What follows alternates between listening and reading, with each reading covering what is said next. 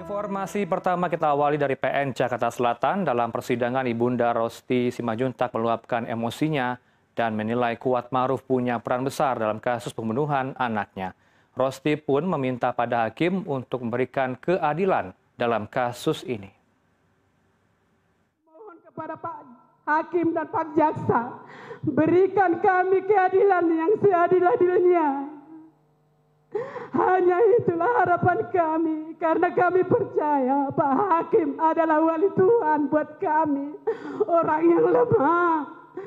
Karena satu pun di antara rumah Perdisambo itu tidak mempunyai hati nurani. Tidak satu pun di antara mereka, mereka selalu berskenario, skenario kebohongan demi kebohongan. Jadi kepada penasihat hukum, kuat ma'aruf, saya juga memohon Bapak, Bapak sebagai penasihat hukum, tolong diselidiki ini kuat ma'aruf ini sebenarnya. Maukah berkata jujur, jangan hanya berkata maaf, ya.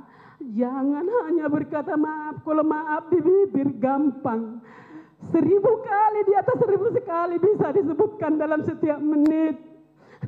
Tapi buktikan kata maafmu itu terlebih di hadapan Tuhan. Kalau anakku yang kalian inginkan kematiannya itu sudah berakhir. Sudah berakhir. Sudah puaskah kalian dengan kematian anakku itu? Bersama-sama kalian berkelompotan. Jadi ada apa di dalamnya ini yang tersembunyi? Kejahatan apa yang tersembunyi itu? Mohon maaf mulia, mungkin saya sangat panjang. Di sinilah saya bisa meluapkan. Bagaimana hancurnya hatiku. Di sinilah saya bisa berketemu dengan si Buat Ma'aruf. Yang begitu besar perannya bersama Bu Putri. Membangun, membunuh anakku ya, marhum Yosua.